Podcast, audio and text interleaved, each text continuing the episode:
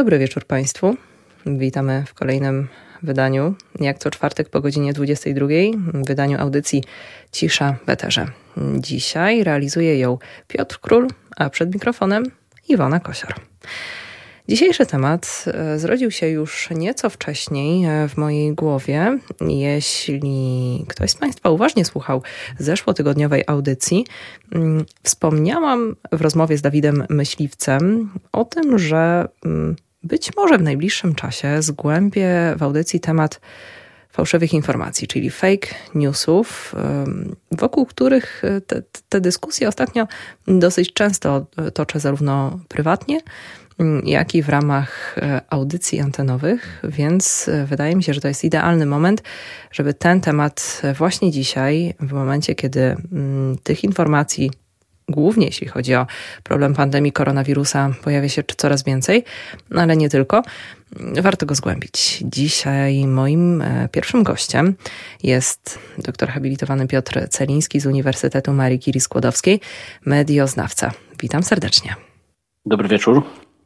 Żeby nie przedłużać e, wstępu, zacznijmy może od wytłumaczenia mm, naszym słuchaczom, czym są fake newsy. Jak tłumaczyć to pojęcie, bo to jest pojęcie też obco brzmiące, obcojęzyczne, ale ono już e, zdążyło się bardzo mocno przykleić do mm, naszych dyskusji do tej, do tej debaty publicznej.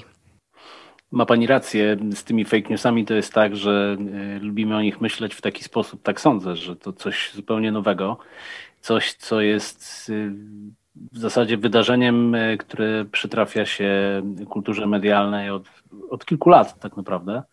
No ale gdybyśmy chcieli rzeczywiście na poważnie się z nimi rozprawić, to sądzę, że źródeł fake newsów, czyli źródeł tego, że mamy poczucie, że media nas oszukują, że mówią nam nie do końca prawdę, albo mówią nam tylko fragmenty, które są dla nich wygodne, można szukać e, dużo, dużo wcześniej. To znaczy, już od e, wielu lat mamy przecież takie przekonanie, że e, telewizja kłamie. Mamy takie przekonanie, że filmy ubarwiają, mamy takie przekonanie, że wszystko zależy od tego, kto realizuje, kto nadaje, kto się wypowiada. Czyli e, krótko mówiąc, takie poczucie, że przy pomocy mediów mamy do czynienia z prawdą, która jest krystaliczna, obiektywna i niepodważalna, jest przekonaniem no, w zasadzie naiwnym, a jednocześnie pozbawionym jakiejkolwiek medialnej racji, e, ponieważ za każdym razem, kiedy mamy do czynienia z mediami, to one mówią więcej o sobie niż o świecie. I dzisiaj w czasach internetu, w czasach mediów społecznościowych, kiedy mamy do czynienia z gigantycznym rozmnożeniem e, ilości, ilości nadawców, to znaczy, że każdy z nas dzisiaj może mówić w internecie, a nie tylko słuchać, no to każdy z nas opowiada swoją wersję jakiejś prawdy, swoją wersję jakiegoś świata. Tych wersji jest naprawdę bardzo dużo. I to jest pierwsza dezorientacja, którą mamy, czyli e, nie wiemy, która z tych opowieści jest ważniejsza, która jest bardziej zasadna. Natomiast jeśli weźmiemy pod uwagę również fakt, że cała przestrzeń medialna to nie tylko obszar, w którym się e, z takich szlachetnych pobudek wymieniamy informacjami i próbujemy dogadywać, E, a weźmiemy pod uwagę na przykład takie przestrzenie jak reklama, PR, e, lobbying, no to natychmiast zauważymy, że wielu ludzi bardzo świadomie próbuje robić coś dokładnie innego, to znaczy próbuje namawiać innych na takie wersje rzeczywistości, które są jednostronnie korzystne, jednostronnie uprawnione e, i w zasadzie są manipulacją na temat tego, jak można by rozumieć rzeczywistość. Natomiast, mm, no tak, w tym wszystkim jest jeszcze jeden mechanizm, a mianowicie taki, że wydaje mi się, że chyba najbardziej podejrzane są te, y, te informacje, które przedstawiane są nam jak, jak cukierki. To znaczy, to jest tak, że jeżeli one są zbyt cukierkowe, zbyt proste, zbyt oczywiste, zbyt ładnie opakowane, no to musimy mieć takie poczucie, że jeśli się za dużo ich najemy, to skończymy tak, jakbyśmy się najedli za dużo czekolady albo za dużo cukierków. Mm, ale teraz już chyba troszkę zmieniłem temat, tak? Bo tak. Zdaje się, że pani mhm. pyta, pytała o to, czym są fake newsy, a ja już poszedłem w strategię na temat tego, co robić, żeby się od nich jakoś uwolnić. Dobrze, to w takim razie rzeczywiście zostawmy na razie na bok te kwestie. Wróćmy do e, samej charakterystyki e, fake newsów. Kiedy możemy mieć taki jakby pierwszy sygnał, że może, że mamy do czynienia z fake newsem. Czym są te fake newsy, z którymi się spotykamy? Czy to są e, artykuły na stronach informacyjnych, czy to są filmy, e, czy to są, mm, nie wiem, na przykład jakieś grafiki, infografiki też bardzo popularne. Co jest tym fake newsem? To pierwsze pytanie. A drugie pytanie, jakich dziedzin najczęściej fake newsy dotyczą? Czy to jest polityka, czy tak naprawdę możemy mówić tutaj o każdej e, przestrzeni, która tylko nam przyjdzie do głowy? Odkąd media y, zaczęły być cyfrowe, wszystkie media, radio, telewizja, książki, prasa, y, cały y, przemysł reklamowy, to na tej platformie cyfrowej wiemy, że dowolną treść można zmieniać dowolną ilość razy, multiplikować dowolną ilość razy. I w, w, związku z tym nie ma takiego kanału medialnego, który byłby wolny od tej logiki fejkowej, e, wolny od możliwości przekształcania treści, niezależnie od tego, jak one były oryginalnie uchwycone czy oryginalnie sformułowane. W związku z tym fejkowe mogą być i fotografii, i infografiki, i nagrania, i książki, i cytaty. W zasadzie nie ma, takiej, e, nie ma takiego kanału medialnego, który byłby wolny od tego typu zabiegów dzisiaj. E, a zatem podejrzana powinna być dla nas cała przestrzeń medialna w ogóle. E, to, o czym mówiliśmy wcześniej, czyli on, jeżeli ona jest zbyt prosta, zbyt, e, zbyt wygładzona, zbyt wysilikonowana, to jest dla nas, to powinien być dla nas pierwszy sygnał na temat tego, że być może powinniśmy spojrzeć troszkę głębiej, być może powinniśmy zajrzeć pod, pod podszewkę. Natomiast jeśli chodzi o y, tematy, y, które najczęściej padają y, ofiarą tego typu działań, ja myślę, że nie ma, tak jak nie ma kanałów medialnych, które są wolne od ingerencji fejkowych, tak i nie ma treści, które dzisiaj moglibyśmy uznać za jakieś takie mm, opierające się tej logice. Wszystko można przekształcić, wszystko można zmienić. E, czasami dzieje się to przypadkiem, czasami dzieje się to bardzo celowo. E, czasami dzieje się to wyłącznie na zasadzie takiej, że pewne informacje pojawiają się nie, nie we właściwych kontekstach, jakieś pliki są podmienione, gdzieś coś się wydarzyło. Natomiast zwrócę uwagę jeszcze raz na jeden e, element, mianowicie taki, że no jakby z manipulowaniem zdjęciami mamy w zasadzie do czynienia od samego początku, od kiedy istnieją zdjęcia, z filmami, które są montowane, które mają różne dziwne perspektywy, powodujące, że widać to, czego tak naprawdę nie widać. E, to też jest e, charakterystyka tego medium, z którą mamy do czynienia od momentu, kiedy mamy e, publiczną karierę tego, tego medium. W druku jest to tym bardziej widoczne, w prasie, w reklamie, a zatem można by powiedzieć, że o ile mechanizm fejków jest wpisany we wszystkie media i wpisany we wszystkie możliwe treści, które media przekazują, można by równie dobrze powiedzieć, że w zasadzie nigdy nie będzie mediów, już nigdy nie będziemy mieli mediów, nigdy nie mieliśmy i nigdy nie będziemy mieli mediów, które wolne są od tego mechanizmu, że ci, którzy lepiej znają język mediów, są w stanie wykorzystywać tę przewagę po to, aby opowiadać świat w sposób korzystny dla siebie, a niekoniecznie korzystny dla tego, kto tych treści jest odbiorcą. To są delikatnie mówiąc bardzo Pesymistyczne słowa mnie osobiście bardzo mocno też e, przerażają, jak sobie o tym myślę, bo do czego my jesteśmy przyzwyczajeni? Do tego, że po to nam są media, po to nam, są serwisy informacyjne, kanały informacji, żeby w bardzo szybki i przystępny sposób zdobyć wiedzę, której sami e, nie jesteśmy w stanie, bo nie mamy czasu e, poznać, więc otwieramy portale informacyjne, słuchamy serwisów po to, żeby czegoś dowiedzieć się o świecie. A tutaj pan mówi, że tak naprawdę trzeba wątpić, wątpić w każdą wiadomość i samemu sprawdzać, czy jest ona prawdziwa, czy nie. Rzeczywiście doszliśmy do takiego absurdu? No, oczywiście to byłoby zbyt radykalne postawienie sprawy, gdybyśmy faktycznie na co dzień sprawdzając, nie wiem, temperaturę, czy yy, ja wiem, cenę, yy, cenę usługi w internecie, podejrzewali, że ktoś zmanipulował tę wiadomość i ona trafiła do nas w sposób zniekształcony. Natomiast gdy chodzi o sprawy związane z takim rozróżnieniem e, klasycznym dla świata mediów, dla świata dziennikarstwa, czyli pomiędzy informacją a opinią, no to wiemy dobrze, że dzisiaj, dzisiaj ten, ten podział jest w zasadzie odłożony do lamusa, a niestety szkoda, mhm. bo on dawał nam jakiś taki punkt odniesienia, który mogliśmy wykorzystywać w codziennym naszym przemierzaniu świata informacji.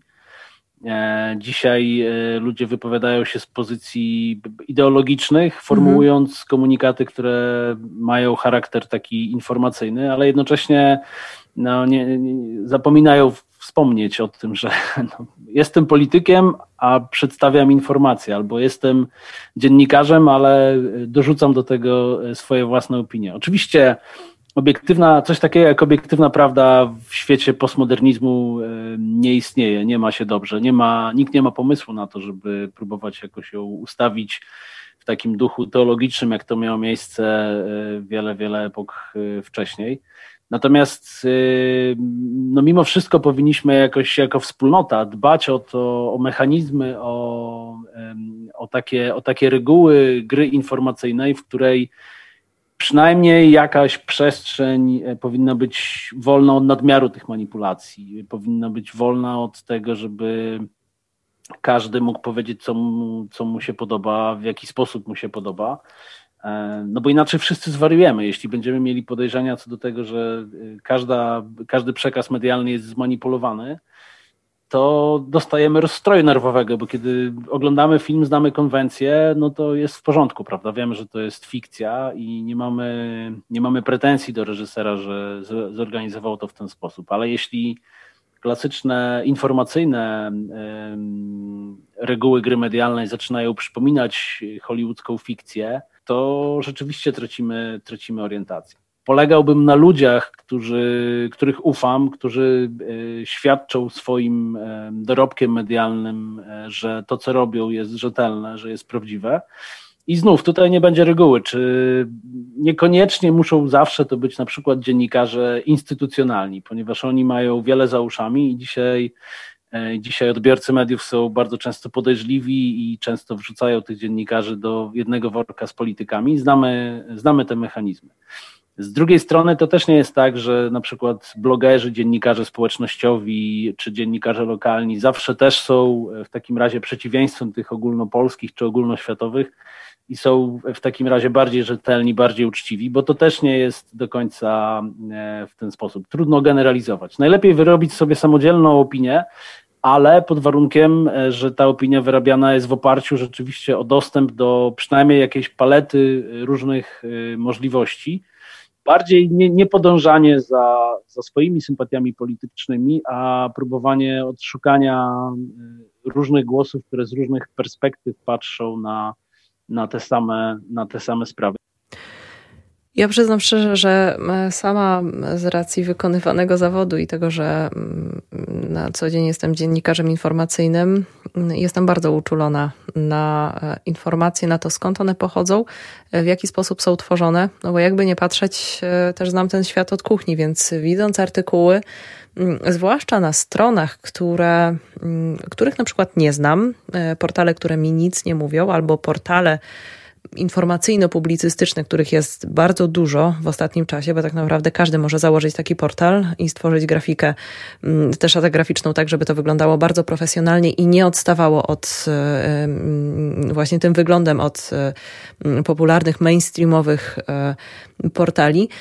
Jestem, no właśnie, jestem nauczona już tego, żeby sprawdzać, czy są na przykład źródła w danym artykule czy, y, czy na przykład osoby, które się wypowiadają jako eksperci, czy rzeczywiście są tymi ekspertami. Tutaj jeszcze raz powołam się na kwestię, mm, jakby temat, który, który omawiałam w zeszłym tygodniu z moim poprzednim rozmówcą a propos mm, pandemii koronawirusa, kwestii szczepień, co tak naprawdę y, w tym temacie szczepień jest prawdą, a co mitem. Staraliśmy się trochę to mm, zweryfikować i obalić, y, posługując się faktami naukowymi. I w trakcie tamtej rozmowy wspominałam o wywiadzie, e, który został właśnie, to nie był artykuł, który miał być informacyjny, a tak naprawdę był opinią autora, ale to był wywiad. Wywiad ze specjalistą, więc jasny komunikat. Ja jako dziennikarz nie zabieram głosu, oddaję ten głos specjaliście, profesorowi, który zajmuje się genetyką. Ale okazało się, że ten profesor mówi bardzo wiele rzeczy, które mówiąc delikatnie, rozmijają się z prawdą i dopiero po dogłębnym sprawdzeniu tego nazwiska okazuje się, że to jest człowiek, który tym specjalistą jednak nie jest. No ale to, na czym my się zatrzymujemy, to na tym, że mamy wywiad z profesorem, czyli z osobą, która jest jednak kompetentna. No i z ciekawości, jakby już wiedząc, że, że ten artykuł nie jest wiarygodny, wolę poszukać informacji w innych źródłach. Przejrzałam też sam portal, z którego mm, ten artykuł pochodzi. Hasło, któremu e, przyświeca, to zatrzymajmy pandemię, czyli tylko u nas jest prawda.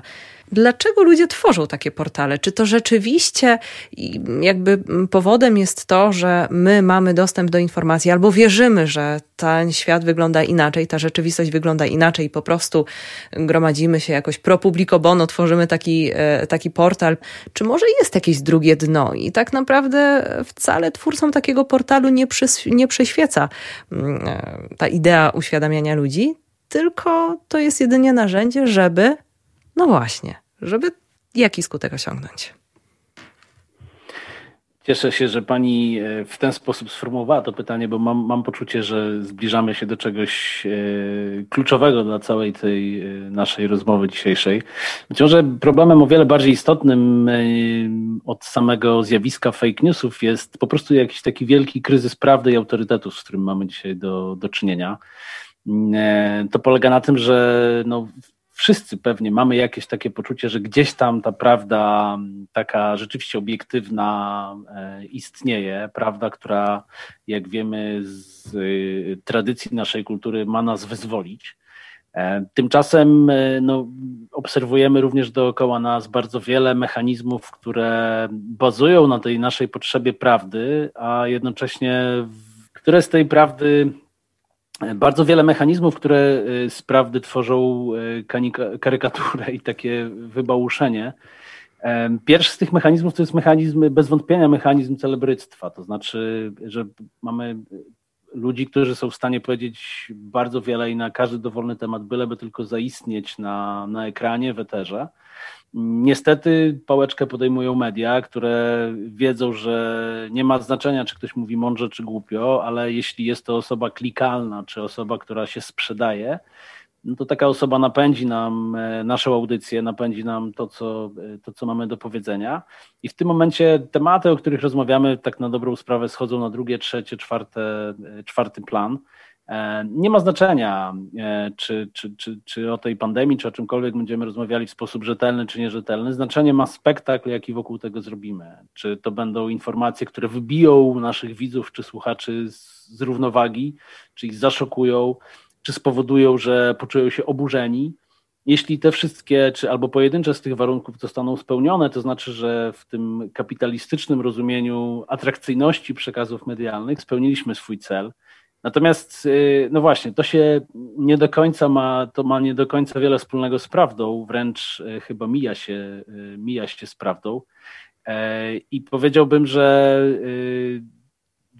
jakby z drugiej strony, to drugie zjawisko, o którym wspomniałem, dotyczące kryzysu prawdy, polega na tym, że mm, dzisiaj nie ma, w związku z tym celebryctwem, któremu poddaje się również cała rzesza profesorów, ekspertów, nie ma dzisiaj chyba pewności, że kiedy rozmawiamy z kimś, kto ma tytuł, czy ma autorytet wsparty jakimiś osiągnięciami życiowymi, to i tak nie ma pewności, że on mówi e, tak zwaną obiektywną prawdę. To znaczy, możemy podejrzewać, że nawet jeśli jest profesorem, tak jak pani to syntetycznie pięknie ujęła, nawet jeśli jest profesorem, nawet jeśli jest ekspertem, a gada od rzeczy, bo ma na przykład inny cel, bo wcale mu nie chodzi o to, żeby e, opowiedzieć o tym, jaki jest koronawirus, tylko chodzi mu o to, żeby go jeszcze kiedyś zaproszono do telewizji i do radia no to będzie mówił zupełnie co innego, prawda? I, i, I, tu jest, proszę zobaczyć, jest taki paradoks, z którego ja nie widzę prostego wyjścia. To znaczy, z jednej strony media grają w tę grę, bo to się sprzedaje, bo to się klika, bo to powoduje, że jest ruch w interesie. Z drugiej strony ci, którzy przychodzą, nie do końca e, czują e, na sobie jakąkolwiek odpowiedzialność za to, że muszę mówić tak, jak jest naprawdę, albo muszę mówić tak, jak chcę, żeby było dobrze bo i tak dla mnie najważniejsze jest to, żeby mnie jeszcze raz zaproszono, albo żebym, e, żebym był cytowany, ale żebym był na ustach ludzi, żebym był na ekranach. No to jest, e, to jest fatalna właściwość naszych czasów. Nie widzę specjalnie e, jakiejś drogi wyjścia z tego, bo proszę zobaczyć, że ci ludzie, ci na przykład aktorzy, którzy nie stają się celebrytami, no przestają dostawać role. Tak? Nikt nie chce obsadzać świetnych aktorów e, w filmach, ponieważ te filmy się nie sprzedadzą, bo chcemy patrzeć na ludzi, których znamy. I tutaj, i tutaj widzę rzeczywiście duży, y, y, duży problem. No ale na całe szczęście, na całe szczęście istnieje taki pomysł rozwiniętych y, demokracji zachodnich, żeby ustanawiać media publiczne, którym społeczeństwo płaci za to, żeby formułowało problemy i znajdowało odpowiedzi na te problemy w postaci debaty publicznej, którą, e, którą ma prowadzić. Ja tak rozumiem na przykład te pani audycje dzisiaj, że spotkaliśmy mhm. się tutaj po to, aby rozmawiać nie za pieniądze, to znaczy ja na tym nie zarabiam i pani też nie dostaje odsypu za to, że e, ktoś tam nas kliknie czy nas nie kliknie. E, podejmujemy tematy, które w naszym poczuciu są ważne dla mm, debaty publicznej w Polsce i w regionie i liczymy na to, że podatnik y, nas posłucha i że będzie, y, weźmie pod uwagę to, co zostanie tutaj, y, to, co zostanie tutaj powiedziane. Więc to jest jakaś droga. Natomiast oczywiście dzisiaj, dzisiaj to nie jest tak oczywiste, ponieważ również media publiczne po pierwsze się politycyzują i to nie jest mhm. jakby oskarżenie, czy one są spolityzowane w lewo czy w prawo, tylko że w ogóle jakby, tak, są podatne na, e, na, na, na instrukcje od strony władzy, ponieważ władza im płaci pieniądze.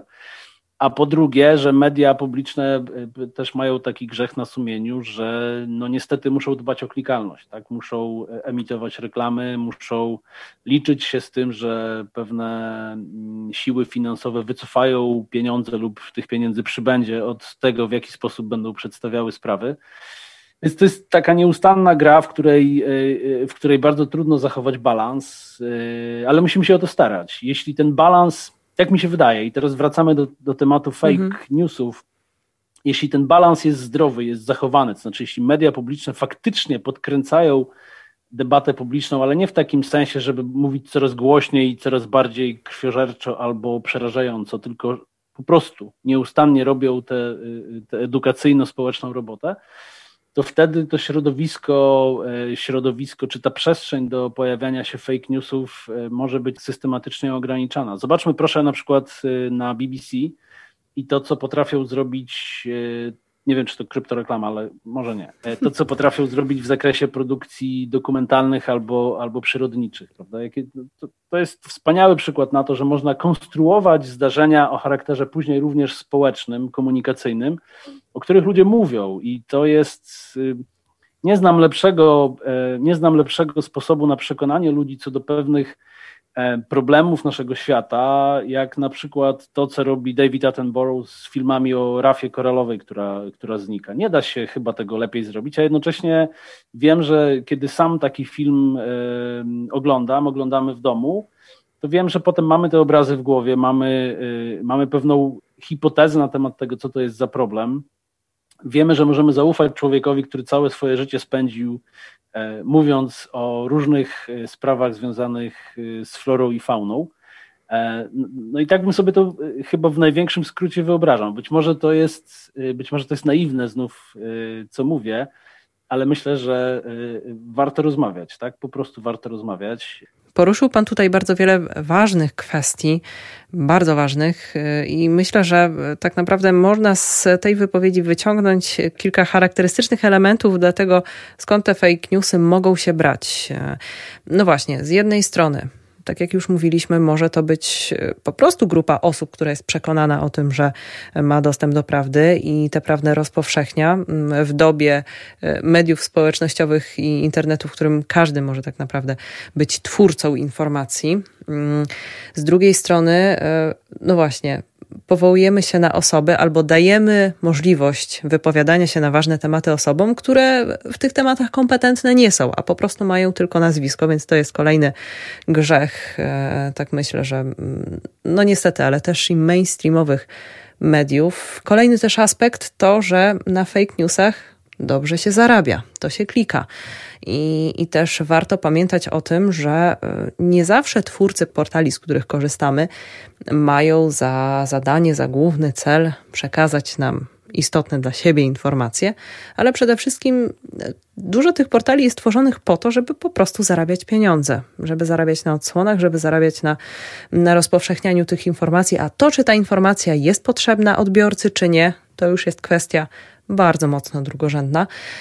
Ale wydaje mi się, że jest jeszcze jedna, przynajmniej tak mi się wydaje, jeśli nie, to proszę mnie wyprowadzić z błędu, ale czy przypadkiem e, kwestia tworzenia fake newsów nie posuwa się jeszcze dalej? Może e, tutaj trochę wyjdziemy z tego naszego lokalnego polskiego podwórka i bardziej patrząc za granicę, chociażby na Stany Zjednoczone, Fake newsy są wykorzystywane na przykład na bardzo dużą skalę do prowadzenia wojny politycznej, do polaryzowania e, społeczeństwa, do wpływania chociażby na wynik wyborów, które są bardzo ważne nie tylko dla danego kraju, ale no, też jakby nie patrzeć dla e, świata. Jak to wszystko wygląda? Czy rzeczywiście doszliśmy, doczekaliśmy takich czasów, że mm, fake newsy mają aż taką siłę rażenia i rzeczywiście są w tym stopniu aż tak bardzo niebezpieczne i wpływają na całe społeczeństwa?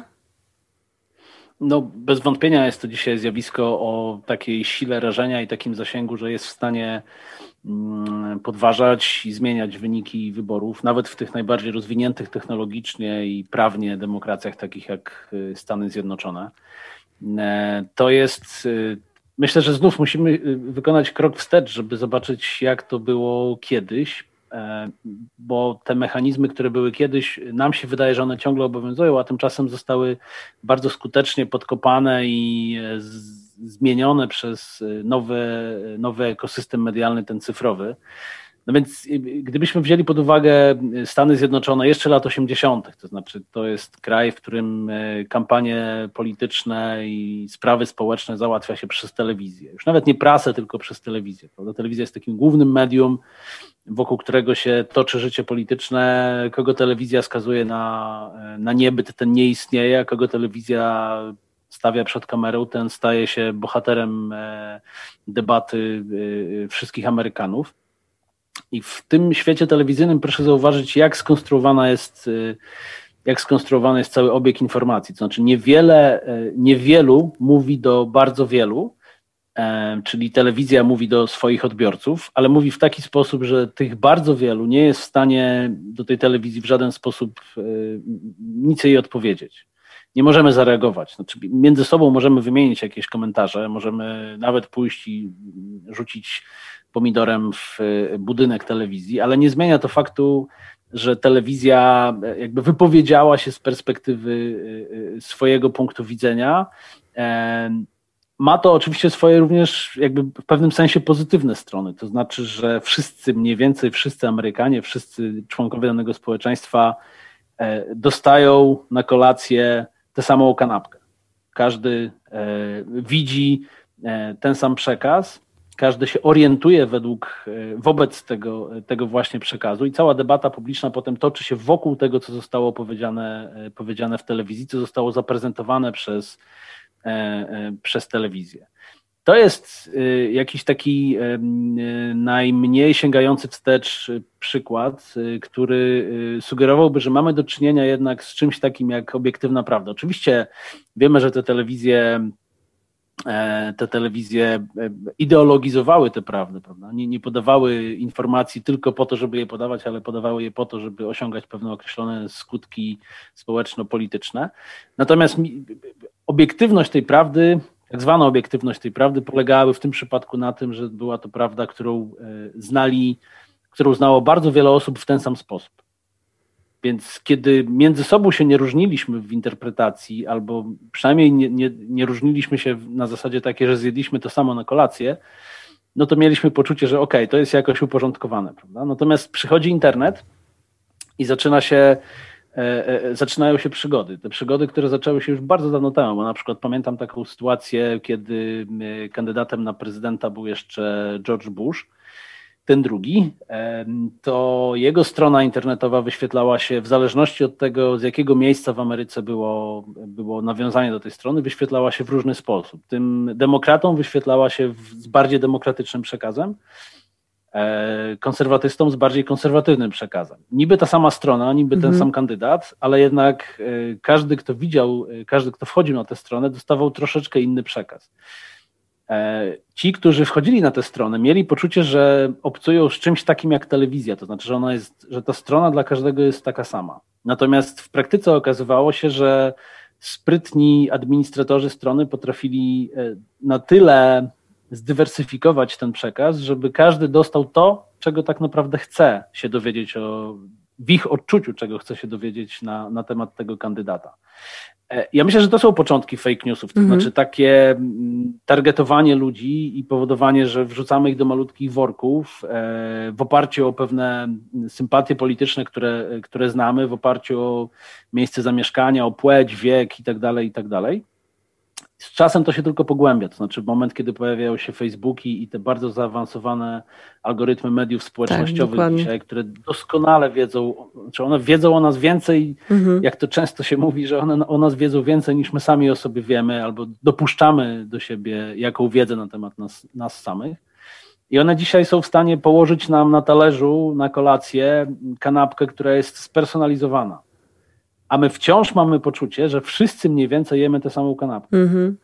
Natomiast dostajemy coś zupełnie innego niż e, ktoś, kto mieszka nawet, nie wiem, 300 metrów dalej, ale ma inne zainteresowanie. W innych sklepach kupuje buty, e, płaci inną kartą kredytową, innymi e, portalami się żywi i tak dalej, i tak dalej. Więc powrotu do takiej ogólnej wersji prawdy już chyba nie będzie i to stwarza e, niesamowitą, e, niesamowity potencjał dla ludzi, którzy znają się na tym, żeby tak dystrybuować e, informacje, aby one bardzo wprost trafiały w potrzeby i oczekiwania ludzi, którzy mm, tymi, tych informacji są odbiorcami. To powoduje, że Oczywiście, że my nie mamy tego świadomości w skali, w skali społecznej. Mm -hmm. Nie wiemy, że jesteśmy tak profilowani. Nam się ciągle wydaje, tak jak mówiłem, że mniej więcej wszyscy patrzymy, e, patrzymy na to samo, ale to e, w gruncie rzeczy powoduje, że e, kampanie w stylu, że przychodzi Aleksander Kwaśniewski i śpiewa piosenkę Ole, Ole, Olek i wszyscy Polacy śpiewają tę piosenkę, to te, te czasy się skończyły. Mhm. Być może w Polsce jeszcze akurat nie do końca, ale, ale wydaje mi się, że demokracja będzie coraz bardziej szła w taką stronę, że będzie mnóstwo przekazów skierowanych do coraz węższych grup ludzi. Tak samo będzie w ogóle z informacjami na jakikolwiek temat. To nigdy nie, to, to już nie będzie tak, że sprzedaje nam się napój, który jest po prostu słodki e, i dla wszystkich taki sam, będzie się nam sprzedawało różne wersje tego samego napoju. Oczywiście napój będzie ten sam, ale opowieści o nim będzie, e, opowieści o tym napoju będą, będą setki, e, setki tysiące. To jest problem, z którym nie wiadomo jak żyć, bo z jednej strony chcemy być wolni, chcemy mieć mhm. poczucie podmiotowości, że jesteśmy unikalni, wyjątkowi. Rzeczywiście, jeśli wokół nas się kręci cały ten świat medialny, no to wspaniale.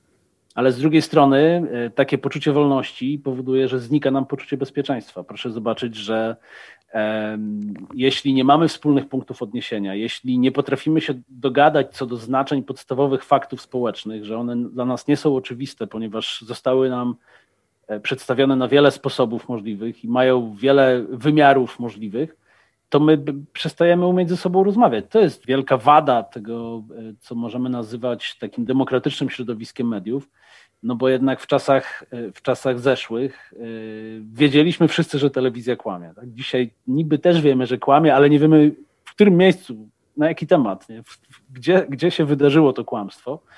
To jest dzisiaj troszkę mniej, troszkę mniej uchwytne. W związku z tym zarządzanie procesami społecznymi, budowanie wyobrażeń społecznych z jednej strony dzisiaj trudniejsze, no bo trzeba angażować mm -hmm. coraz bardziej yy, zniuansowane technologie, coraz bardziej wysublimowane rozwiązania, ale z drugiej strony, jeśli już nam się to uda i e, trafimy do tych odbiorców, o których wiemy, jacy są, precyzyjnie, potrafimy uderzyć w czułe punkty, w, w, ich wyobrażenia, no to jesteśmy w stanie wbić się naprawdę, e, naprawdę bardzo głęboko.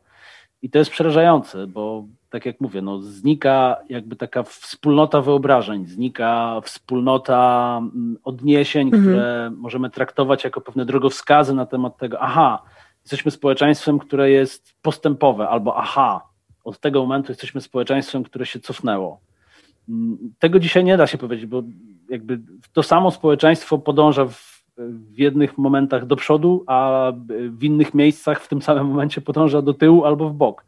I to są zmiany, które y, niektórzy widzą, ale obawiam się, że niestety y, społeczeństwo zachwycone smakiem cukierków sprzedawanych przez media, no niestety jest coraz mniej e, zdolne do tego typu reakcji, ponieważ jest właśnie otępione e, mhm. ilością tych przekazów, ilością bodźców, która, e, która się w przestrzeni publicznej pojawia. Mm, dokładnie.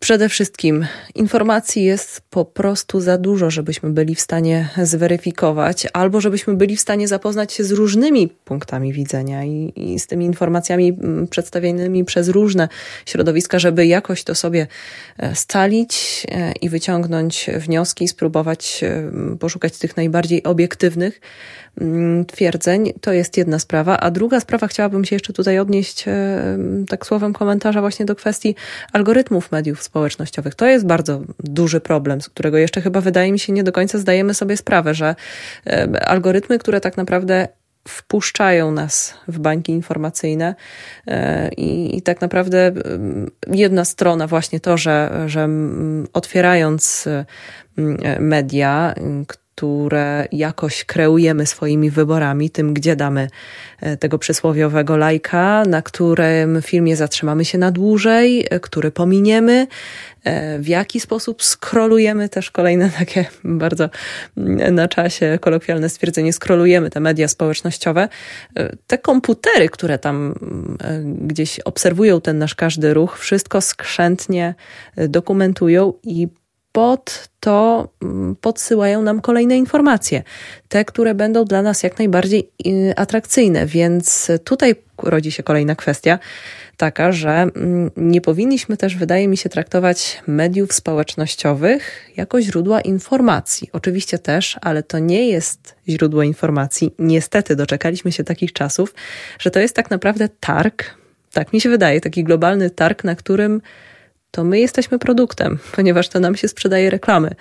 I, i tak naprawdę no, to jest brutalna prawda, ale, e, ale warto o tym pamiętać. E, sprawdzając to, myśląc o tym, co nam się wyświetla, kiedy otwieramy te nasze e, konta i, i czy właśnie, czy nasz znajomy widzi dokładnie to samo co my, czy może inne rzeczy, więc warto też szukać innych informacji, nie tylko skupiać się na tych portalach i na tych treściach, które nam najbardziej odpowiadają. Czasem warto też poszukać tych rzeczy, po których normalnie, po które normalnie byśmy nie sięgnęli. Może jakoś jesteśmy w stanie w tym trochę ten algorytm, te algorytmy oszukać. Ale dobrze, zamykając tę kwestię, bo tutaj się trochę już sama rozgadałam na ten temat, chciałabym zadać takie pytanie już podsumowujące naszą rozmowę. Bardzo ważne, bo mm, ta wizja jest bardzo mocno niepokojąca. Tak wydaje mi się, że trochę, e, trochę popadliśmy w taki, mm, no właśnie w takie czarne scenariusze mm, w tej rozmowie. Czy w takim razie możemy liczyć na jakikolwiek mechanizm, mechanizmy, które e, będą w stanie jakoś bardziej kontrolować e, te nieprawdziwe informacje, te fake newsy w przestrzeni internetowej? Czy da się w ogóle takie regulacje dzisiaj e, przygotować? Czy kto, a jeśli tak, to kto za to powinien odpowiadać? Ja jestem e, sceptyczny co do możliwości e, takiego odgórnego regulowania tej e, wielokolorowej, wielobarwnej, wielowymiarowej przestrzeni, jaką jest internet. Myślę, że ona jest zbyt nieuchwytna i zbyt mhm. poszatkowana, żeby dało się odgórnie przy pomocy regulacji prawnych albo jakiegoś rodzaju organizacji państwowych, które będą pilnowały tej, tej czystości, coś tutaj, coś tutaj zmienić.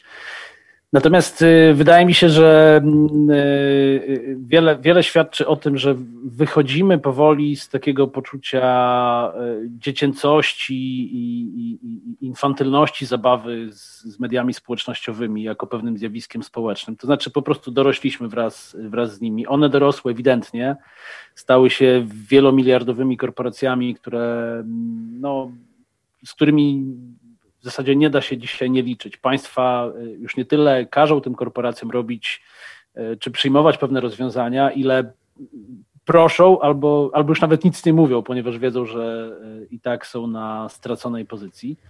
Natomiast myślę, że my odbiorcy zwykli użytkownicy y, w sensie nieinstytucjonalni i, i jakoś nie, nie, nie, politycznie zaangażowani w to wszystko, mm, nauczyliśmy się również tego, że znaczy sparzyliśmy się już wielokrotnie na tych mediach i wiemy, że one potrafią zrobić kuku, wiemy, że potrafią wyciągnąć y, zdjęcie sprzed tam 10 lat, mhm. Zrobić wokół tego jakąś, jak, jakieś wielkie zamieszanie. I chyba się y, y, systematycznie uczymy być coraz bardziej ostrożni, coraz bardziej poważni. Wreszcie pojawia się tutaj też kwestia w ogóle anonimowości, to znaczy mm, myślę, że dzisiaj jesteśmy przed, y, tuż przed decyzją na temat jednego z najważniejszych dylematów w ogóle przestrzeni internetowej. Czy ona ma być anonimowa, czy ona ma nie być anonimowa. No, wiadomo, że za anonimowością kryje się cały szereg benefitów, które mamy począwszy od takich najprostszych, infantylnych właśnie jak to, że możemy komuś nawrzucać i nic nas za to nie spotka. No ale z drugiej strony y, z nami mogą się zdarzyć nie, nie, niesympatyczne rzeczy, które dzieją się właśnie z tego powodu, że nie wiemy, kto nam to zrobił, w jaki sposób y, te osoby weszły w posiadanie pewnych informacji. Więc to jest, to jest jakaś rzecz y, do, do, do zdecydowania. Druga rzecz do zdecydowania to będzie rzeczywiście e, rozwiązanie tego konfliktu na temat konfliktu pomiędzy państwami, społeczeństwami, a mhm. wielkimi korporacjami, które e, bazują na kapitale społecznym zbieranym w mediach elektronicznych. I tutaj Wydaje mi się, y, ciekawe starcia są przed nami. Wiemy, że polski rząd wyszykował projekt mhm. takiej ustawy, o którym ostatnio pis piszą bardzo y, chętnie media zagraniczne, że Polska chce y, mieć zagwarantowane takie, takie prawo, że polscy obywatele najpierw podlegają prawu polskiemu, a dopiero potem ewentualnie jakieś obce kapitałowo firmy mogą decydować, czy polskiego obywatela da się usunąć z internetu, czy się nie da usunąć. Bardzo ciekawe zagranie, trzymam kciuki, choć tak jak mm. mówię, nie jestem fanem e, kontrolowania tego z poziomu państwowego, to jednak myślę, że jest to jakiś mały kamyczek, który być może spowoduje e, większe zamieszanie wokół tego tematu, a to jest e, temat, o którym musimy rozmawiać. Dla mnie, z mojego punktu widzenia, jest to jedna z najważniejszych kwestii społecznych, jakie dzisiaj mamy do, do, do, do rozwiązania. To znaczy, co mamy zrobić jako społeczeństwa z tą obezwładniającą potęgą mediów społecznościowych. Wiemy, że y, młodsze y, rzesze obywateli różnych społeczeństw są w zasadzie totalnie zanurzone w tą, w tą przestrzeń i że nie, wyobrażają sobie życia, mhm. życia bez niej. Jednocześnie możemy dostrzec wśród również ludzi młodych e, bardzo, bardzo ciekawe e, zjawiska, na przykład tego, że y, chcą żyć bez mediów przez jakiś czas albo chcą żyć w alternatywnych światach medialnych, że nie znoszą mediów, które których używają rodzice czy, czy osoby starsze. E, to wszystko też e, jakby daje pewien powód do optymizmu, bo pokazuje, że no, Facebook nie jest nieskończony, Google nie jest nieskończony. Jeśli tylko e, wystarczająco mocno nadepną nam na odcisk, to za chwilę odpłyniemy od tych platform i znajdziemy sobie zupełnie inne. No niestety oczywiście potem te inne przekształcą się w, znów w hegemonów i, i, i, i w takie straszliwe twory, jakimi dzisiaj są te korporacje, które wymieniliśmy. E, więc to bym widział jako, e, to bym widział jako proces, e, a jednocześnie to, to, to wszystko się przekłada na poziom zwykłego pojedynczego człowieka i jego codziennych pojedynczych działań medialnych. No cóż, ja osobiście zachęcam do tego i swoich studentów, i, i samego siebie, i, i Państwa przy okazji, żeby eksperymentować z różnymi mediami, to po pierwsze. Po drugie, żeby e, robić sobie od czasu do czasu e, starym, dobrym e, polskim obyczajem, jak w piątek nie, nie jemy mięsa, to może na przykład w piątek nie robimy mediów społecznościowych. Mm -hmm. Dlaczego, dlaczego by nie spróbować? Wreszcie, wreszcie po trzecie, myślę sobie, że warto sobie jakoś na, na własny użytek przemyśleć kanały dostępu, medialnego dostępu do świata. To nie musi być tak, że wszystko robimy przy pomocy jednego medium czy jednej jakby organizacji medialnej.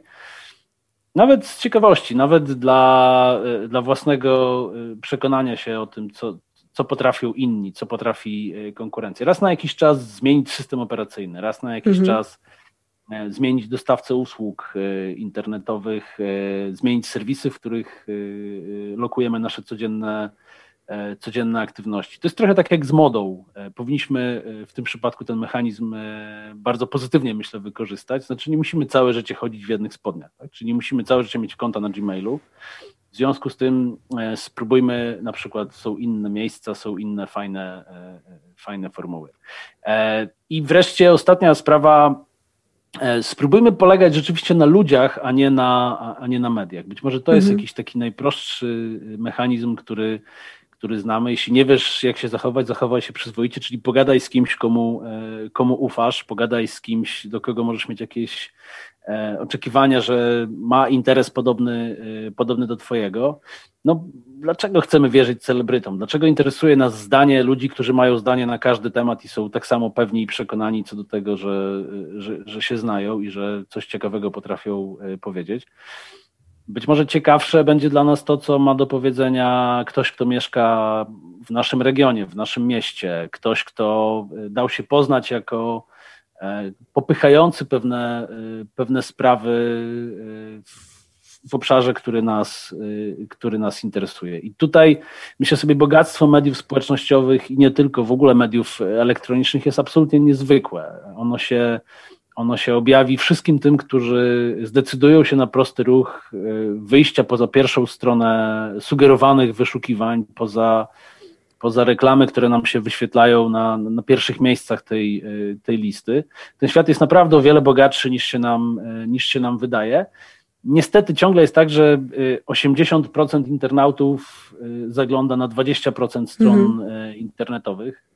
To by sugerowało, że my żyjemy przyzwyczajeniami z epoki telewizji, prasy, to znaczy, że wielkie media agregowały gigantyczne, gigantyczne audytoria, a przecież internet miał to wszystko zmienić. Miało, miało być bardziej demokratycznie, miało być bardziej oddolnie, miało być więcej bardziej kolorowo. E, spróbujmy skorzystać z tego potencjału. I tymi słowami zachęty, mm, niestety, niestety dla siebie, mam nadzieję, że też i dla słuchaczy, e, muszę kończyć e, tę naszą rozmowę, ponieważ czas nas nagli. Musimy zostawić jeszcze przestrzeń na serwis informacyjny na naszej antenie. Dlatego bardzo serdecznie e, dziękuję za rozmowę. Moim gościem w tej godzinie audycji e, był doktor habilitowany Piotr Celiński z Uniwersytetu Marii Curie Skłodowskiej, medioznawca. Bardzo serdecznie dziękuję za rozmowę. Dziękuję, do usłyszenia.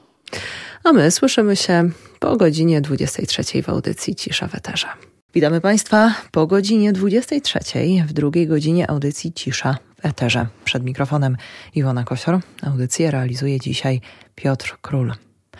Przyznam szczerze, że temat dzisiejszej audycji jest dla mnie trochę kłopotliwy, ponieważ jako przedstawiciel mediów zachęcam Państwa do tego, żeby krytycznie podchodzić do informacji, które otrzymujemy zwłaszcza za pośrednictwem mediów społecznościowych. Być może ktoś stwierdzi, że tym sposobem, tym dzisiejszym tematem strzelam sobie trochę w kolano, ale mam nadzieję, że wśród Państwa znajdą się słuchacze, którzy docenią to, że jako medium stajemy na straży tych prawdziwych informacji i chcemy walczyć o to, żeby fałszywych przekazów było jak najmniej, chociażby dając Państwu wskazówki, jak przed fake newsami się wystrzegać. Na straży prawdziwych, rzetelnych informacji stoją nie tylko media publiczne, nie tylko Radio Lublin. Są też inne zespoły medialne, które za główny cel stawiają sobie walkę z dezinformacją. Jednym z takich portali jest projekt powołany przez Polską Agencję Prasową pod nazwą Fake Hunter. Projekt tworzy grupa dziennikarzy związanych z Polską Agencją Prasową, ale nie tylko, którzy zajmują się wyszukiwaniem nieprawdziwych informacji i dogłębną ich analizą na podstawie rzetelnych informacji naukowych. Ale ja o tym projekcie więcej mówić nie będę. Oddam głos mojemu pierwszemu rozmówcy w tej godzinie audycji. Moim pierwszym gościem jest Anna Gwozdowska, współredaktor e, portalu Fake Hunter e, w ramach e, Polskiej Agencji Prasowej. Witam serdecznie. Dzień dobry. Pierwsze pytanie. Czym jest projekt fakehunterpub.pl? Co znajdziemy na tym portalu? Y, znajdziemy raporty, które przygotowują nasi redaktorzy. Y, są to ludzie pracujący na co dzień w różnych działach Polskiej Agencji Prasowej, specjalizujący się w różnych dziedzinach, więc szeroką wiedzą. E, I kiedy dostajemy zgłoszenie, są to zgłoszenia przesyłane przez użytkowników internetu, którzy na co dzień w tym gąszczu się poruszają. Jeśli zauważą coś, co budzi ich niepokój, co wydaje im się podejrzane, mogą, wykorzystując specjalną wtyczkę, wysłać zgłoszenie i my w tym e, e, portalu czy w tej redakcji zajmujemy się tymi zgłoszeniami, a już na samym portalu publikowane są owoce naszej pracy, czyli gotowe raporty. Oczywiście nie zawsze jest tak, że każde zgłoszenie to jest potwierdzony fake news. Czasem zdarza się prawda, czasem jest trudno coś zweryfikować i taką kategorię mm, raportu też mamy, że coś jest nieweryfikowalne. Także mm, no po prostu portal to jest, to jest niejako zwierciadło tego, co, czym zajmuje się nasza redakcja, czyli są to zawieszone na tym portalu raporty odpowiadające temu, jakie zgłoszenia dostajemy od użytkowników internetu. Jak wygląda sporządzanie takich raportów e, od początku do końca? I drugie pytanie, które już tutaj e, może przy okazji zadam, jakiego typu to są informacje i fake newsy? Myślę, że warto mm, na początku naszej rozmowy też zaznaczyć, że e, portal fakehunter.pub.pl, ten serwis skupia się na fake newsach dotyczących epidemii, pandemii koronawirusa. I, i taka, taka jest tutaj geneza i jakby główny, główny punkt odniesienia tych informacji, ale nie tylko. Pojawia się analiza także innych fake newsów. No na początku y, koledzy, bo wtedy jeszcze y, nie pracowałam w serwisie, to znaczy wczesną wiosną ubiegłego roku, zajęli się wyłącznie y, manipulacjami czy wręcz e, fałszywymi doniesieniami e, dotyczącymi pandemii. No ale wtedy wszyscy pamiętamy, sytuacja była taka, że właściwie nikt nie wiedział, mhm. co się dzieje. Ten e, wirus pojawił się dość nagle. W przestrzeni medialnej pojawiło się mnóstwo różnych, często sprzecznych ze sobą informacji i myślę, że stąd pomysł, żeby w ogóle zająć się weryfikowaniem tych pojawiających się w mediach informacji każdym razie, y, no, rodzajów fake newsów y, jest y, tyle, ilu jest chyba użytkowników, no przede wszystkim mhm. internetu, bo większość tych manipulacji, z którymi mamy do czynienia, pojawia się właśnie w internecie, na Facebooku, na Twitterze, czasami na różnych portalach. O wiele rzadziej w tradycyjnych mediach, choć też to się zdarza. No ale myślę, że przede wszystkim to są informacje albo raczej pseudoinformacje rozpowszechniane w mediach społecznościowych. Y, tak jak Pani wspomniała, na początku y, zajmowaliśmy się wyłącznie pandemią, teraz również y, od czasu do czasu są to jakieś manipulacje dotyczące finansów, ekonomii, gospodarki, ale jednak cały czas mam wrażenie dominują, dominują manipulacje związane z przebiegiem pandemii. No w tej chwili oczywiście najwięcej takich sprawdzanych y, y, informacji dotyczy szczepionek. Pamiętam, że na początku pandemii w ubiegłym roku to były na przykład maseczki, to czy maseczki chronią, czy nie chronią. Zresztą trochę do zamieszania przyczyniała się sama Światowa Organizacja Zdrowia, mm -hmm. bo tam mhm. na początku przecież była mowa o tym, że maseczki, y, że, że zdrowe osoby powinny unikać maseczek, potem się to podejście zmieniło. W każdym razie wtedy dominowały fake newsy dotyczące maseczek. Było też sporo fałszywych informacji rozpowszechnianych przez różne rosyjskie ośrodki medialne. To jest w ogóle jakaś taka mhm. oddzielna y, y, część pracy, bo ba bardzo dużo portali albo bezpośrednio współpracujących z Rosjanami, albo jakoś przez nich współzakładanych mm, rozpowszechnia sporo fake newsów na temat pandemii. Między innymi no, pamiętam, że wiosną ubiegłego roku, ubiegłego roku popularny był taki fake news o tym, że, że wirus został, został stworzony w jakimś amerykańskim laboratorium na Ukrainie. To był bardzo popularny fake mm -hmm. news, który w różnych y, wersjach się pojawiał. Mm, no ale tak jak powiedziałam, w tej chwili e, bardziej, e, częściej zdarzają się fake newsy dotyczące szczepionek. No nic dziwnego, bo to e, chyba najbardziej nas wszystkich w tej chwili interesuje. Mm, no ale w dalszym ciągu te fake newsy pandemiczne, tak bym je nazwała, dominują. To wracając, bo pojawia mi się też e, kolejne pytanie teraz, e, ale mam nadzieję, że nie umknie mi ono, ponieważ już umknęło pytanie, które może trochę niefortunnie zadałam e, za wcześnie, a pora do niego wrócić. Jak w takim razie wygląda e, po kolei praca nad tworzeniem takich e, raportów? Krok po kroku, jak wygląda analiza? Skąd biorą Państwo mm, informacje, na podstawie czego e, jest sprawdzana rzetelność informacji, które, które wyglądają na fake newsy? I co się składa na ten końcowy raport? Czyli kiedy ktoś otwiera stronę fakehunterpub.pl, to co widzi? Tak od początku do końca, jak wygląda ten proces? Mm, kiedy otwiera tę stronę, no to może sobie przeczytać poszczególne raporty y, i przedtem sprawdzić, czego te raporty dotyczą, bo oczywiście mo może kliknąć w link, który był częścią zgłoszenia, przeczytać informacje, czy obejrzeć film, czy przeczytać wypowiedź, która została zgłoszona mm, do sprawdzenia, i potem porównać to z raportem, który sporządziliśmy. Oczywiście każdy dziennikarz e, podchodzi do tego po swojemu, ma jakieś własne metody docierania do źródeł, do informacji e, tych wiarygodnych. E, właściwie do dyspozycji mamy ekspertów, światowe media, agencje różnego rodzaju, no, całą, całą masę źródeł, które później uwzględniamy w takim e, raporcie. To jest bardzo ważna część raportu, do której e, przykładamy olbrzymią wagę. Zazwyczaj również e, opatrzamy taki raport informacją, którego dnia i o jakiej godzinie mieliśmy dostęp do tych informacji.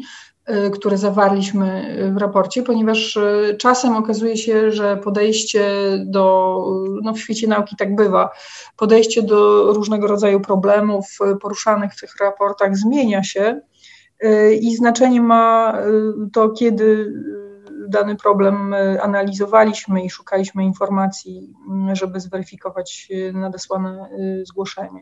Więc na pewno źródła, którym, które podpierają niejako nasz sposób rozmowania, przyjęte w raporcie, są bardzo ważną częścią tego raportu.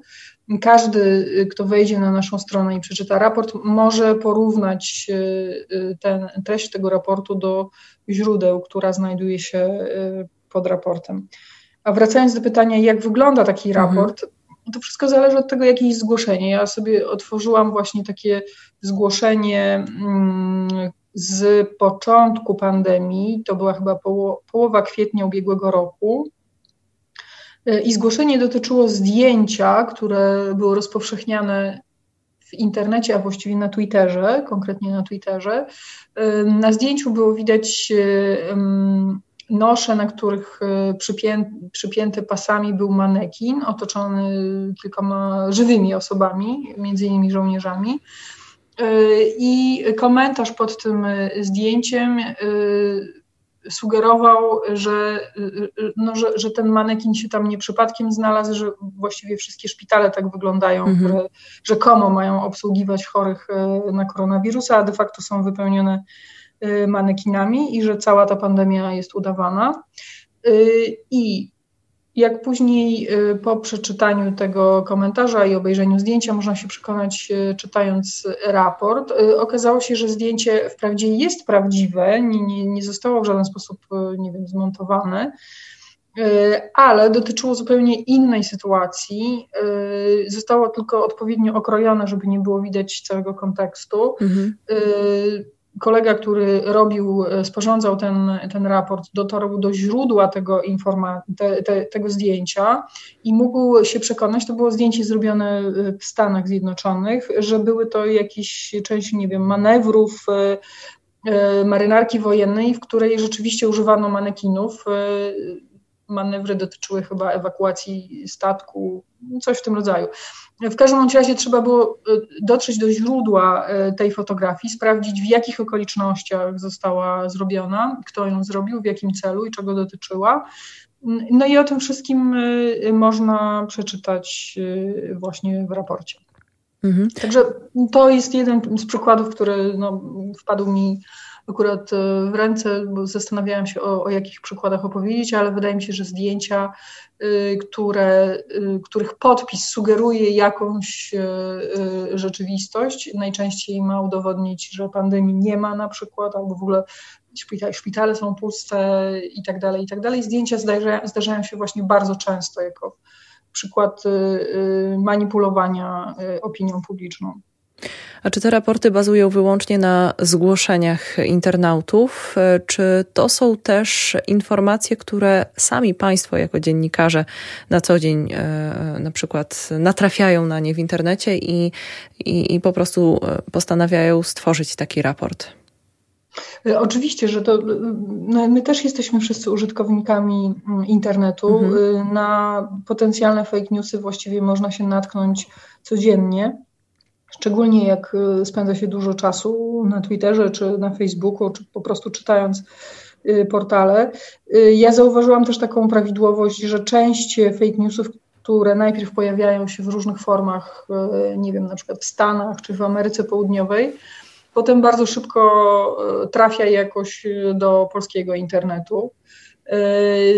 Tak się składa, że ja też zajmuję się monitoringiem prasy zagranicznej i sporo przeglądam po prostu sporo, sporo mediów zagranicznych w różnych językach i czasem rzeczywiście trafiam na Y, na takie smakowite fake newsy i przekonuję się, jak sprawdzam, że one y, już y, po kilku dniach czy kilkunastu dniach funkcjonują także w polskim internecie. Więc tak jak odpowiadając na Pani pytanie, rzeczywiście mm. czasem zdarza się, że no też znajdujemy, napotykamy na takie fake newsy i warto wtedy taki raport oczywiście zrobić. Naj, najchętniej witamy zgłoszenia y, użytkowników internetu, bo to dla nich ten serwis powstał. Mhm. Y, I rzeczywiście mam wrażenie, że te zgłoszenia coraz bardziej co, co, są, coraz, są coraz bardziej trafne, to znaczy ludzie zaczynają wyczuwać, y, na czym polega próba manipulowania ich emocjami, doświadczeniem, wiedzą itd., tak itd. Tak I te zgłoszenia są coraz, e, coraz trafniejsze.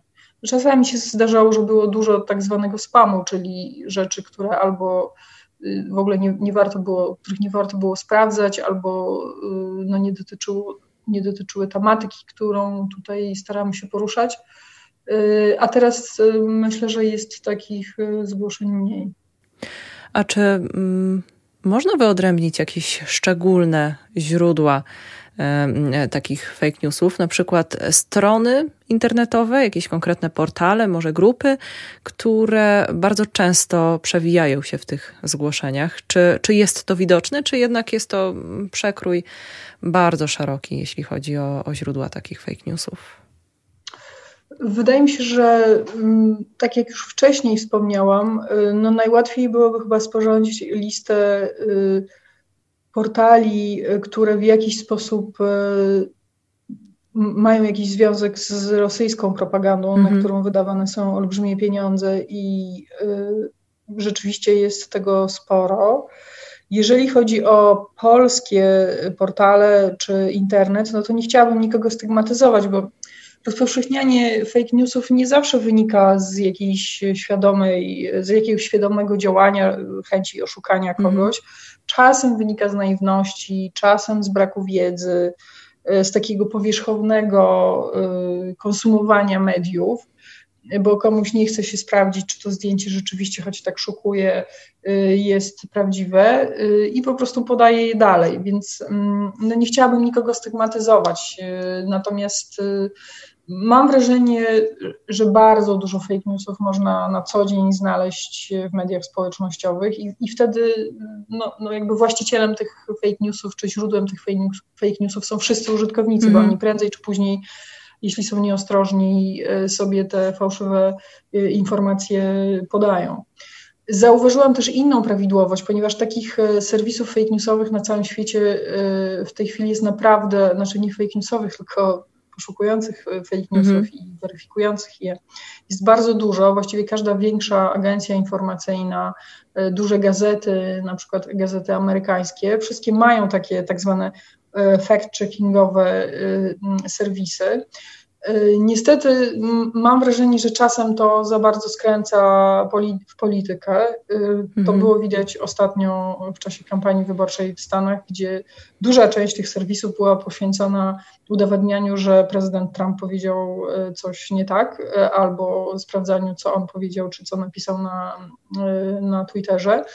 No, chyba nie, nie do końca o to chodzi, żeby ograniczać debatę, tylko po prostu rzeczywiście wyłapywać rzeczy szkodliwe. I tu jest jakaś, e, jakaś cienka granica, której nie powinno, e, nie powinno się przekraczać.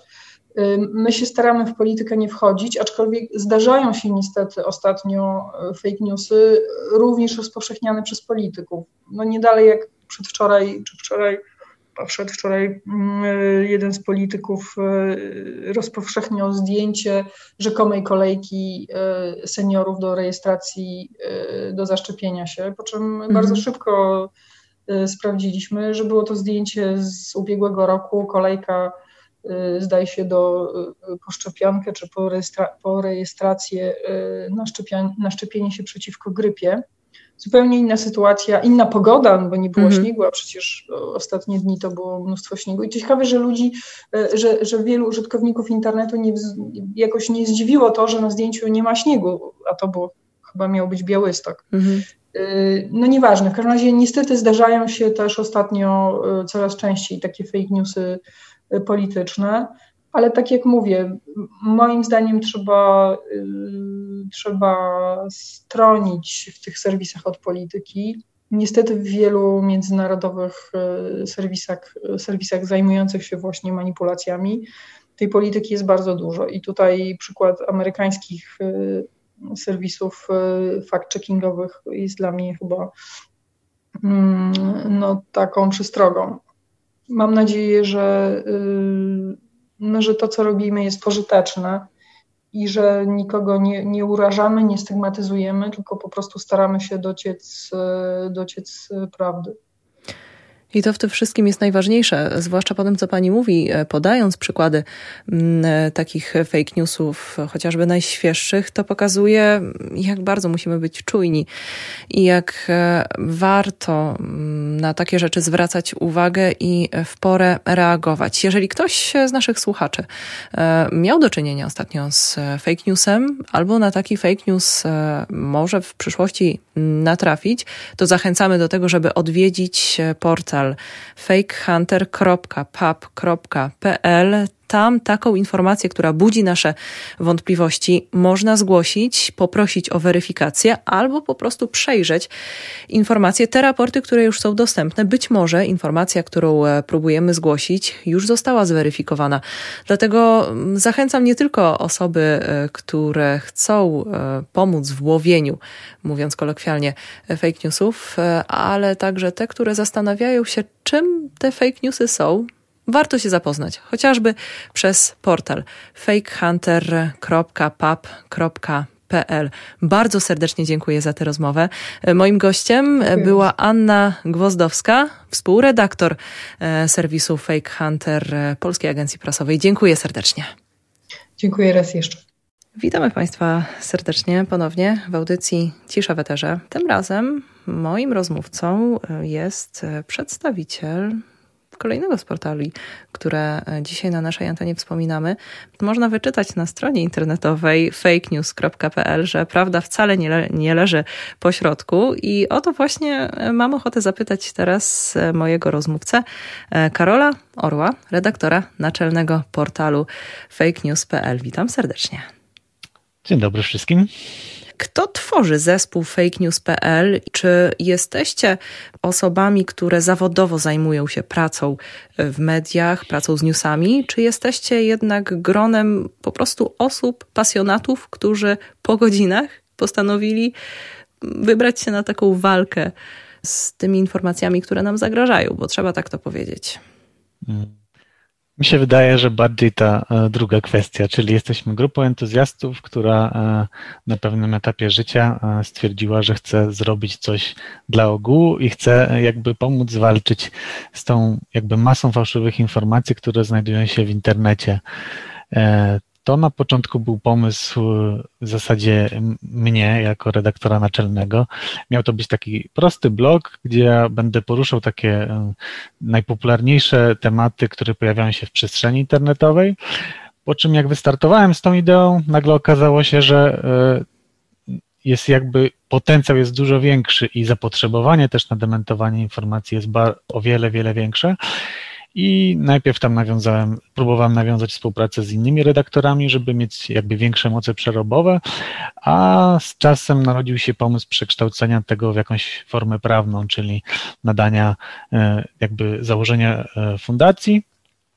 No i w tym momencie e, Nasza, nasz zespół liczy w sumie trzy osoby i sześciu wolontariuszy, przy czym każdy z nas, jakby miał to określić bardziej potocznie, jest z innej bajki. Ja się zajmuję bardziej e, IT, mamy historyka, mamy analityka, e, a nasi wolontariusze to już absolutnie każdy tak naprawdę inna branża, co też bardzo się przydaje przy weryfikacji bardzo zróżnicowanych tematów przy podejściu.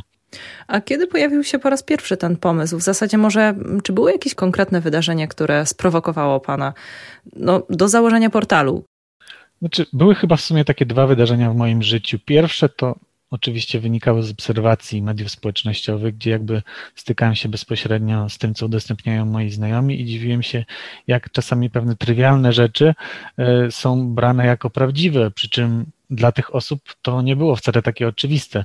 I tutaj się jakby pojawił pomysł, żeby no, zacząć w jakiś sposób sobie z tym radzić. A drugą kwestią, druga kwestia to jest taka, że ja jestem od ponad pięciu lat wolontariuszem Fundacji Dom w Łodzi. To jest taki dom dziecka dla dzieci chorych. Mhm. Tutaj w Łodzi mieliśmy taki przypadek, że ktoś wziął zdjęcie naszego podopiecznego i próbował na tym jakby zrobić swoisty interes e, w mhm. przestrzeni społecznościowej, czyli stworzył sobie stronę i chciał stworzyć tak zwaną farmę lajków, czyli zebrać bardzo dużo polubień, żeby potem tą farmę od, odsprzedać.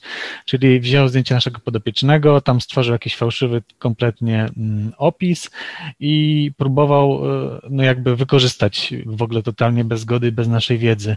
E, ta sprawa zakończyła się na policji, oczywiście tutaj było jakieś e, dochodzenie, no ale bardzo trudno jest takie rzeczy doprowadzić do końca, więc tak naprawdę w tym przypadku najważniejszy był nacisk i ja zdałem sobie sprawę, że jeśli jest duża grupa osób, które są świadome danego problemu i wywierają naciski, to można doprowadzić do zamknięcia czegoś, tak? Czyli tutaj w tym przypadku było zamknięcie fałszywej strony, która e, zmyśliła historię i próbowała e, jakby zbić pieniądze na w sumie na czymś nieszczęściu, tak? Czyli to były dwa takie etapy w moim życiu, które przechyliły szale, żeby zacząć działać. Jak wygląda e, Wasza praca teraz na co dzień e, w ramach portalu? Jak wygląda mm, weryfikowanie e, informacji? Przede wszystkim skąd te fake newsy najczęściej się biorą? Do jakiego stopnia są to informacje, na które sami natrafiacie, a do jakiego stopnia są to informacje, które mm, podejrzewam, że społeczność, która już się zgromadziła wokół, wokół Waszego portalu, pewnie też zgłasza, alarmuje, mm, że, że jest coś, co warto byłoby sprawdzić. Jak to wszystko wygląda? Jak wygląda taki proces? Proces od początku do końca tworzenia e, artykułu dotyczącego konkretnego fake newsa? Mm, tutaj e, w jakimś sensie pewnie zaskoczę słuchaczy, bo e, to jest praca całkowicie manualna. Nie ma w tym momencie żadnych absolutnie narzędzi, mhm. które w jakiś sposób są w stanie precyzyjnie określić, że dana informacja jest fałszywa bądź nie. Więc tak naprawdę nasza praca polega na tym, że każdy z nas monitoruje e, w jakimś tam obszarze e, media społecznościowe. Mamy już tak zwane gniazda, gdzie najczęściej y, wylęgają się powiedzmy fake newsy, czy związane z medycyną, czy, mhm. czy z jakimiś innymi tematami. To są często bardzo zamknięte jakieś społeczności, czy na Facebooku, czy na innych portalach. I jakby codziennie monitorujemy sobie, sprawdzamy, co tam nowego się pojawiło. Jest tego absolutnie bardzo, bardzo dużo. To są setki, dziesiątki informacji, dlatego też jakby doświadczenie pozwala nam e, wyselekcjonować informacje, które powiedzmy e, bardzo szybko e, zyskują na popularności, bo jakbyśmy mieli o mhm. wszystkim pisać, to dosłownie nie starczyłoby czasu, a jakby pożytek z tego byłby praktycznie zerowy, więc pierwszą rzeczą jest monitorowanie, drugą jest sprawdzenie, czy dana, dana informacja nabiera, jest, jest popularna. I później przechodzimy tak naprawdę do, e, do takiego researchu, do, do, do, badania danego tematu, przy czym jakby zakładamy, że czas jest ważny tutaj. Staramy się nie spieszyć z publikacją artykułów, żeby nie popełnić błędu, bo mhm. jakby publiczność, do której kierujemy, często jest bardzo podejrzliwa i bardzo krytyczna. To są osoby, które momentalnie wyłapią jakieś nieścisłości i zaczną wymyślać niestworzone historie, dla kogo my tu pracujemy, dla kogo nie mhm. pracujemy, kto nas finansuje, a kto nie. E, więc staramy się podejmować tematy, które albo można zweryfikować, albo są bardzo popularne i, i po prostu musimy w jakiś sposób, chcemy się w jakiś sposób do nich odnieść, podać tyle, ile po prostu wiemy na dany temat. Czyli no bazujemy w sumie na, tylko na weryfikowalnych faktach, badaniach, które nie zostały podważone. Mhm. E, kiedy to możliwe, to też jest ważne. Staramy się kontaktować z osobami, których dotyczy na przykład dana kwestia, e, czy fałszywa wiadomość. Co ważne, i to jest właśnie chyba nasz odróżnia od takich portali informacyjnych, zawsze na samym dole danego artykułu podajemy źródła. Mhm. Czyli jak ktoś nam zarzuci, słuchajcie, no kłamiecie tutaj, albo tu jest coś nie tak, zawsze mówimy, no proszę sobie zerknąć, tu są źródła, tak, można to e, osobiście sprawdzić. I to jest, to jest wydaje mi się, chyba taką najważniejszą kwestią tych naszych weryfikacji, że, e, że jakby staramy się zachować pełną przejrzystość. No i też dbamy, żeby te źródła były wysokiej jakości, żeby też no, w jakiś sensie nie obniżały wiarygodności danego artykułu, a na końcu, co też, to, to, o czym też tak naprawdę czasami wydaje się mało kto wie, że naprawdę mamy przypadki, że ktoś nam zgłosi, że coś jest nie tak, słuchajcie, tu popełniliście błąd, tutaj jest pewna nieścisłość, o tym nie wiedzieliście. Jakby mamy obowiązek dokonania korekty mhm. danego artykułu. A jak e, patrzycie na swoją pracę? Czy to jest może trochę walka Don Quixota, czy jednak e, są wymierne efekty, e, które podpowiadają Wam, znaczy na pewno są, bo podejrzewam, że mm, już portal by nie funkcjonował, gdybyście zobaczyli, że, że ta, ta praca nie przynosi efektów, ale no właśnie, jak duża jest to skala sukcesu, jeżeli da się ją w ogóle zmierzyć i ocenić? Ja jestem dość krytyczny niestety i może ciężko e, tak określić, że patrzę czarno na, na, na naszą na przyszłość ogólnie e, poziomu dezinformacji w mediach, ale uważam, że nasza, robo, e, nasza praca to jest kropla w morzu potrzeb, ponieważ jakby skala dezinformacji teraz w ogóle mhm. szczególnie związana z pandemią na przykład jest tak duża, że jakby nasza praca jest naprawdę no, minimalna i, i no ja podam nawet taki przykład, że mieliśmy jakieś artykuły fałszywe, w których były powiedzmy dziesiątki, setki nieścisłości i one po prostu miały zasięgi naprawdę kil, kilka milionów osób zobaczyło, przeczytało taki dany fałszywy artykuł. Mm. No i teraz dla przykładu nasza, nasze dementi, tak zwane, e, no to zobaczyło bodajże kilkadziesiąt tysięcy, czyli jaki mamy duży tutaj rozdźwięk, tak, pomiędzy jednym a drugim. Dlatego no po, z naszej strony na pewno musimy tutaj cały czas dbać o to, aby powiększać te zasięgi, aby docierać do jeszcze większej ilości osób, ale jest to bardzo trudne, bo fałszywa wiadomość rozchodzi się momentalnie, szczególnie te tak zwane wiralne wiadomości, mhm. a dementi mało, mało do kogo jeszcze dociera. Także jest tu bardzo dużo wyzwań. Mi się wydaje, że też na przyszłość bardzo dużo wyzwań takich technologicznych, żeby jaki sposób technologia, oczywiście są różne, różne pomysły e, z tym związane, ale żeby tutaj technologia też wspomagała walkę z dezinformacją. Czy jesteśmy w stanie opracować takie środki, takie metody, takie narzędzia, e, które mm, rzeczywiście będą w stanie kiedyś powstrzymać e, rozwój fake newsów, nieprawdziwych informacji, czy jednak musimy przyzwyczajać się do tego, że no, powoli kształtuje się całkiem nowa rzeczywistość medialna, w której po prostu każdą wiadomość musimy teraz sami sprawdzać, czy rzeczywiście ona jest prawdziwa, czy nie. To jest, to jest, mi się wydaje, że to jest bardzo dobre pytanie, ale też ciężkie w odpowiedzi. E, z tego względu, że pewne inicjatywy się oczywiście pojawiają, żeby zautomatyzować, czy powiedzmy przełożyć na, e, na maszynowe zarządzanie, jakby kwestie wykrywania, czy dementowania to już w ogóle, tak? Ale w jakimś sensie wydaje mi się, że, że jest to możliwe, z tym, że e, dotąd próby, które były podejmowane, no to one bardziej są podejmowane na zasadzie, że konkretne jakieś tam mniejsze obszary tych fałszywych informacji są e, obsługiwane przez powiedzmy sztuczną inteligencję, tak? Już mhm. w jakiś sposób głośno było o, o projekcie firmy e, bodajże Google, która tam e, pracowała nad rozwiązaniem mającym pomagać w wykrywaniu manipulacji manipulacji zdjęciami, czyli jak dane, dane zdjęcie mhm. było powiedzmy zretuszowane, no to y, algorytm miał pokazać, jakie są tutaj powiedzmy nieścisłości. Dotąd te, te, są takie proste narzędzia, które wykrywają jakieś tam manipulacje, ale one są bardzo niedoskonałe i no, rzadko się z nich korzysta. Tak więc pojawiają się pomysły, na ile to w przyszłości będzie skuteczne, tak, że w jakiś sposób będzie w stanie odciążyć naszą pracę. Wydaje mi się, że jest to trudne do, do odpowiedzenia w tym, w tym momencie. Aczkolwiek wydaje mi się, że każdy z nas może przedsięwziąć jakiś, jakiś takich, e, część takich czynności, które mogą uchronić nas przed nabraniem się powiedzmy na fejka. Wydaje mi się, że taką złotą mhm. zasadą, to zanim udostępni cokolwiek, coś, co jest po prostu mega ekscytujące, co ma krzykliwy tytuł, bardzo krzykliwy lit, to się po prostu zatrzymać chwilkę i zastanowić. Jakby ten taki sceptycyzm jest bardzo, bardzo pożądany w tym momencie, czyli zanim się skomentuje coś, przeczytać jeszcze daną informację na spokojnie, ponieważ fake news w zasadzie żeruje głównie na emocjach, tak? Czyli można sobie zadać szereg pytań pomocniczych, e, czy, czy dany tytuł nie wydaje nam się kontrowersyjny, czy nie jest właśnie taki tabloidowy. No to jest często, często spotykany zabieg, że teraz media konkurują w jakimś sensie ze sobą i chcą ściągnąć tych użytkowników do siebie. Czyli im bardziej krzykliwy tytuł, im bardziej krzykliwy lead, często w ogóle niezwiązany z artykułem albo w, w duży sposób przeinaczający daną później informację końcową, tym lepiej, tak? No bo ściąga więcej ludzi.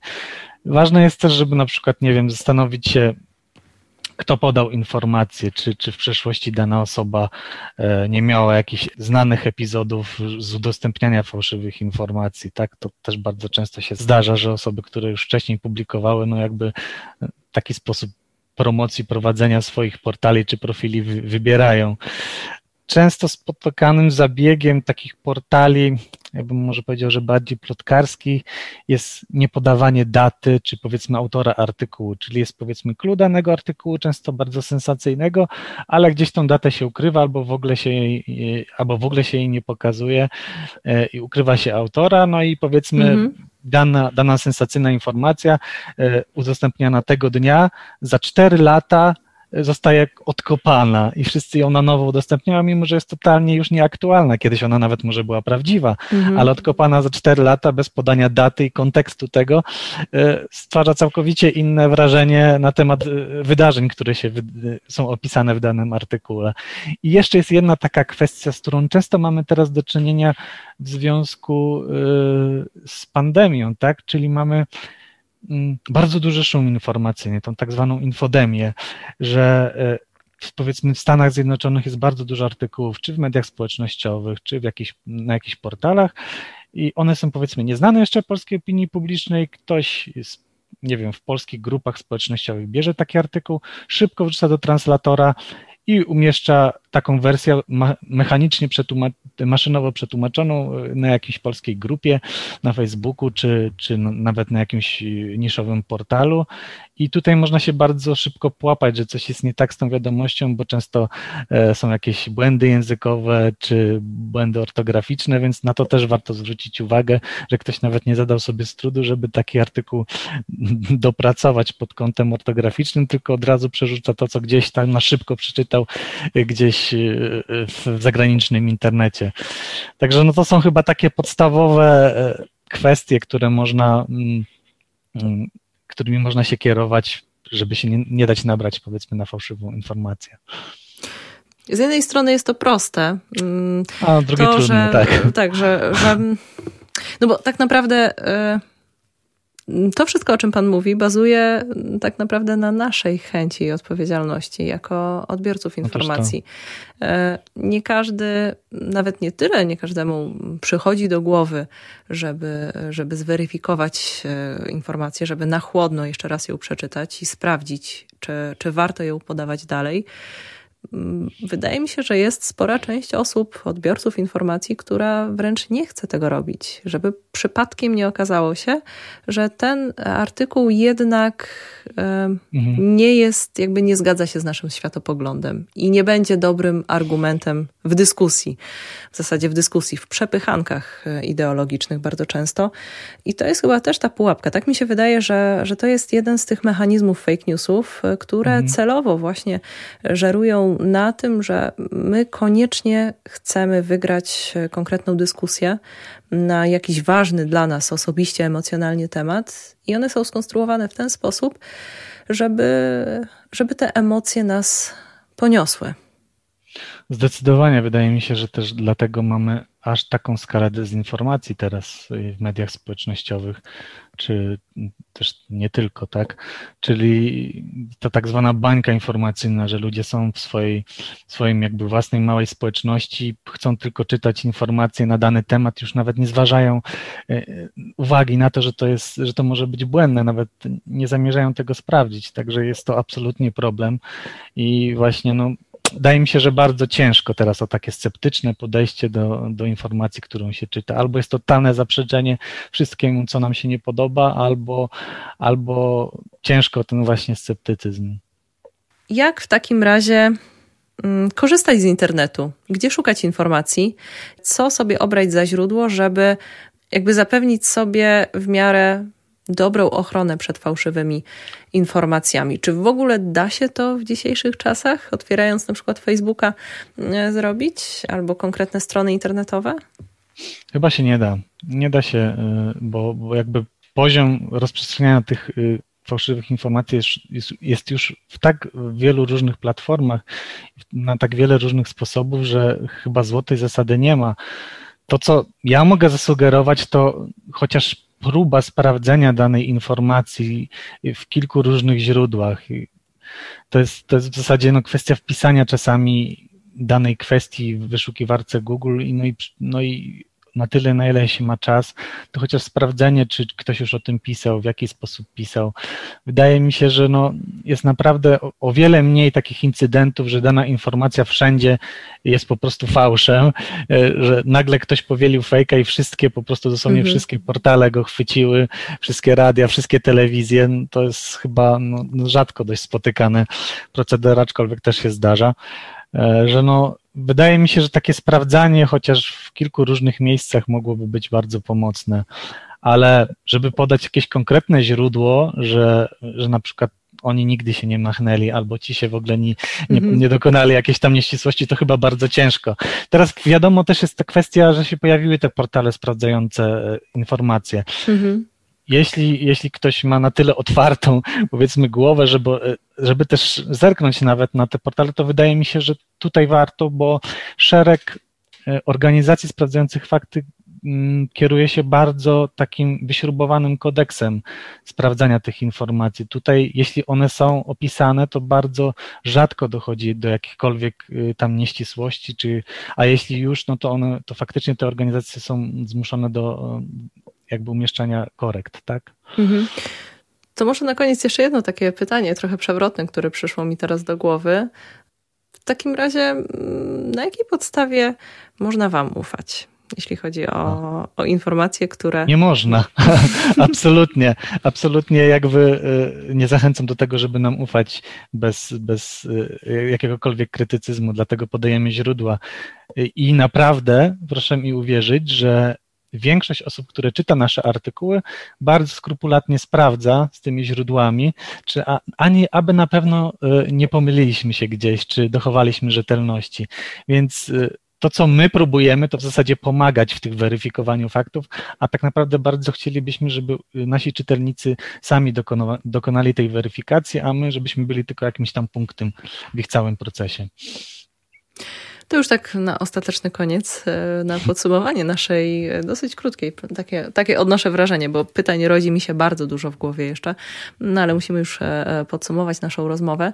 Mm, pierwsza wskazówka, myślę, że mm, jasna dla naszych słuchaczy uważność, sceptycyzm i weryfikowanie źródeł. Co jeszcze e, dorzuciłby Pan od siebie?